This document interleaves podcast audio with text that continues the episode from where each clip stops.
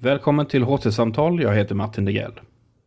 Silla Bank hette en fattig kvinna som levde hela sitt liv i den lilla skånska fiskebyn Arild i slutet av 1800-talet. Vad visste hon om världen omkring henne? Det har historikern Peter K Andersson skrivit en bok om. Och detta pratar han om i det här samtalet med mig, inspelat under Bokmässan i Göteborg 2017. Vi hälsar er välkomna till Lunds universitets monter här på Bokmässan. Eh, jag heter Martin Degrell och jag står här med Peter K Andersson som är historiker vid Lunds universitet. Peter har bland annat forskat på eh, vardagsupplevelser och eh, social interaktion bland de lägre samhällsskikten i det sena 1800-talet samt vardagsliv, självrepresentation och avvikelse i sekelskiftets Sverige och England. Bland annat. Ja.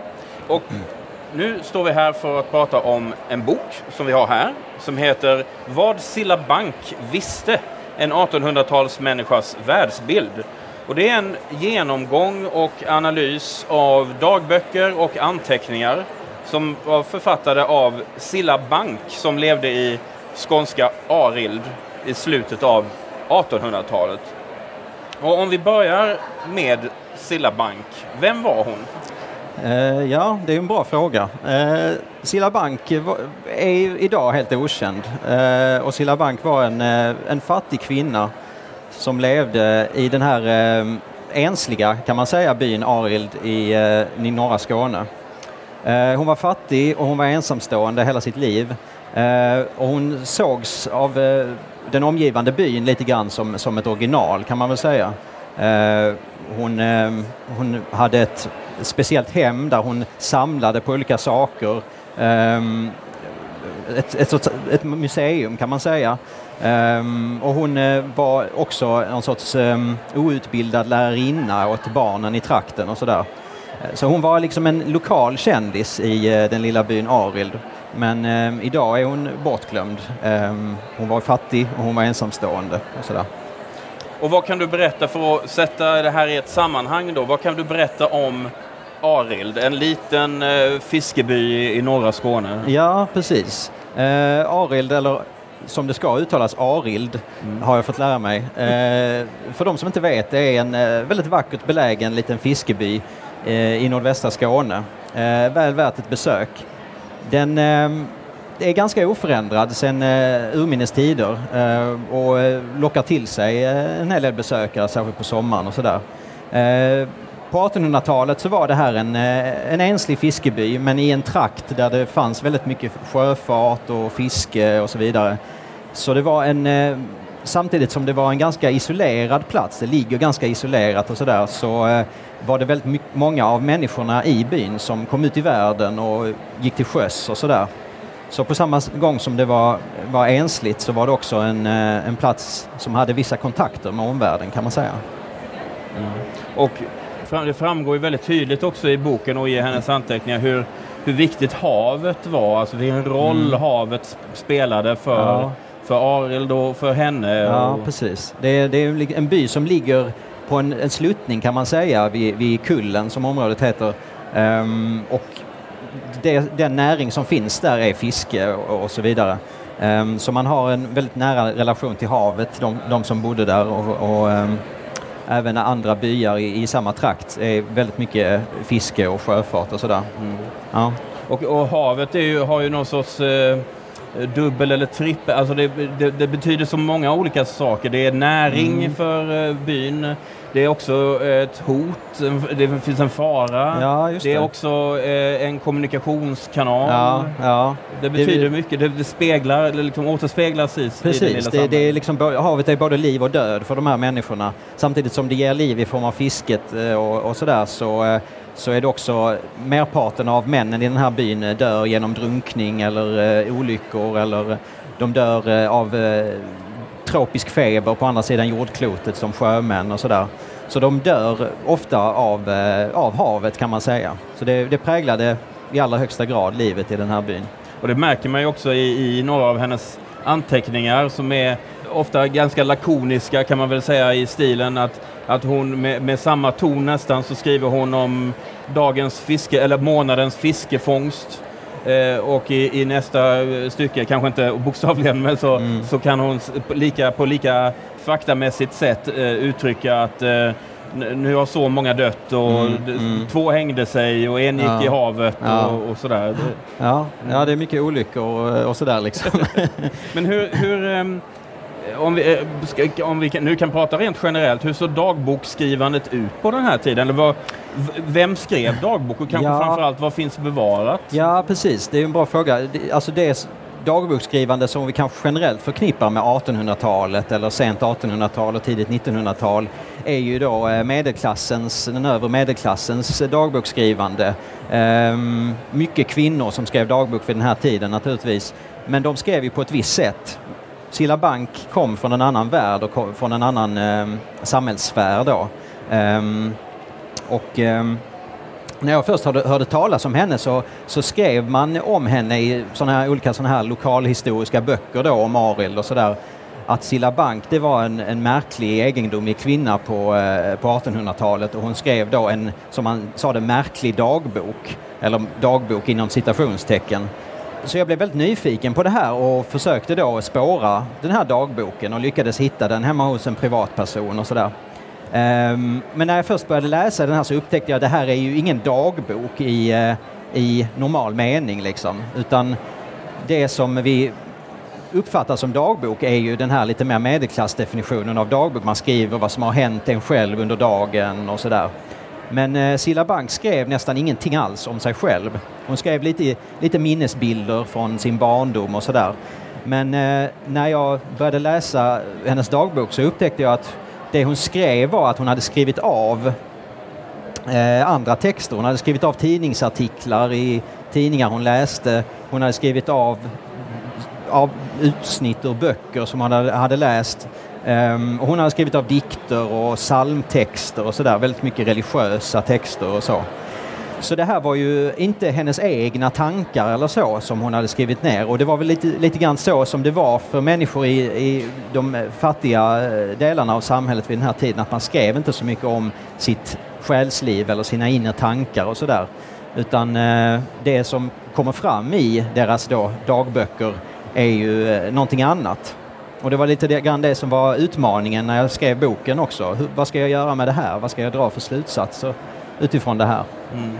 Så då blir hennes eh, anteckningar, det blir nästan som en slags eh, eh, journal över händelser ja. som eh, hon snappar upp ja, och precis. skriver av, ja. reproducerar. Precis, och det var därför jag, jag kallar boken för just världsbild, för att det handlar väldigt mycket om hur hon betraktade sin omvärld och vad hon hade för perspektiv på världen ifrån sin lilla eh, stuga i sin lilla by.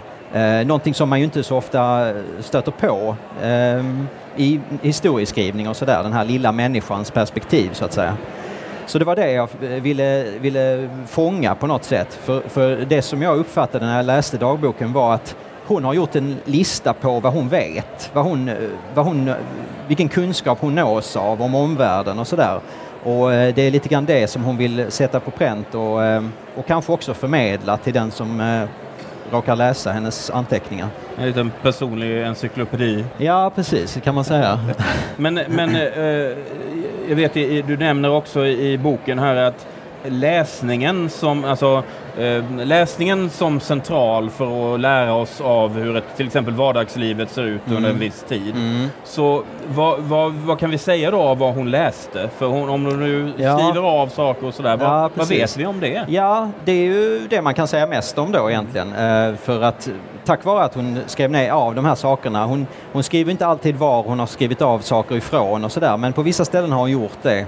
Um, och, viss, och, ibland så kan man även uh, helt enkelt genom att googla en rad som hon har skrivit ner eller sådär så får man reda på var, varifrån kommer den här dikten eller psalmtexten och så vidare. Så jag har lyckats då ta reda på varifrån hon har skrivit av de här olika texterna. Och på det sättet så får man ju en bild av vad det var för texter som var i cirkulation vid den här tiden. Framförallt då vad det var för texter som var i cirkulation på landsbygden bortom eh, stadslivet och sådär som vi ju vet ganska mycket om och där vet vi ju att det var mycket böcker, mycket läsning vid den här tiden. Um, men hur mycket var det på landsbygden? Det, det, vet vi inte lika mycket om. Men genom då att titta på vad det är hon har, eh, hon har läst och hon har skrivit av och sådär så, um, så kan man då få en bild just av vad det var, som, eh, vad det var hon nåddes av helt enkelt. Och detta som hon nåddes av det var ju ganska fragmentariska saker. Det var ju inte så att hon hade råd att prenumerera på en tidning eller eh, hand, köpa böcker eller sådär utan hon nåddes av det som råkade komma i hennes väg. Liksom. Um, enstaka nummer av tidningar, enstaka böcker um, och det, det, det skav, gav också en, en, fragmentarisk bild av omvärlden kan man väl säga som hon då försökte pussla ihop och eh, kanske fylla i lyckorna på, på, egen, på egen hand.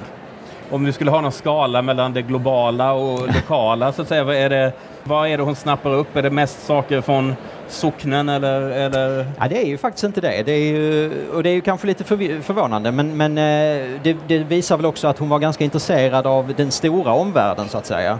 Eh, hon läste väldigt mycket om vad som hände ute i stora världen och sådär och det eh, tolkar hon på sitt lite egna sätt och omformulerar om på lite, med lite egna formuleringar och så. Så det blir liksom eh, en bild av omvärlden som, som är präglat av hur hon ser på det och, och hennes perspektiv. Sen är det naturligtvis eh, även eh, saker om, om vad som händer i byn. Eh, listor på vem som, vem som har dött eh, senaste året, vem som har drunknat väldigt mycket och sådär. Um, hur mycket fisk, hur mycket sill som har fiskats i byn och sådana saker. Mm. Så det är, det, är, det är framförallt väldigt mycket listor som hon mm. skriver på olika saker. Dels sånt som händer i byn och dels listor på olika historiska händelser eller händelser ute i världen och så här. Så hon blandar ganska friskt kan man säga. Och hon lämnade aldrig Ariel, hon bodde där hela sitt liv. Precis. Um, finns det ändå, man, jag, jag, tycker jag anar mig någon form av nyfikenhet på världen ändå, liksom i det ja. att hon samlar upp och vill ja, dokumentera de här ja. sakerna. Men var det bara en fråga om att så här, världen såg ut som den gjorde på den tiden, hon var fattig och hon kunde mm. liksom inte mm. ta sig därifrån? Eller vad, vad tror du det berodde på att hon liksom inte såg mer? Ja, eh, ja jag vet inte, det, det är väl lite lite både och. Den bittra verkligheten? Ja, precis. Liksom. Den bittra verkligheten. Hon hade, hade liksom inga eh, materiella möjligheter att ta sig från sin by. Samtidigt så tror jag inte hon hade någon, något intresse eller det, jag tror aldrig det slog henne att hon skulle lämna sin by eller sådär. Hon, man gjorde inte det? Nej, man gjorde nej. inte det helt enkelt. Uh, så det hon, uh, hon företog sig var en form av samlande då.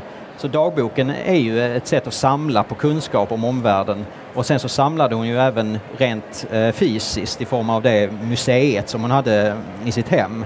Som då bestod av eh, olika exotiska föremål som eh, traktens sjömän hade tagit med sig hem från sina resor och sådär. Ehm, och de, de här föremålen visade hon väldigt gärna upp, upp med stolthet för eh, de som eh, kom till Ariel och sådär. Och det var ju vid den här tiden, slutet på 1800-talet, så blev ju Aril eh, en, en, en, by som drog till sig väldigt mycket författare och konstnärer och sådär, precis som Skagen och så vidare. Så det kom ju, började ju komma eh, mer och mer av eh, lite vä mer välbärgade människor. Och då blev ju också de lite intresserade av den här väldigt originella kvinnan som eh, som eh, fanns i byn och besökte hennes museum och sådär och skrev, skrev om, om henne på det sättet. Så det, det är därför vi, vi, känner till lite grann om henne och så också.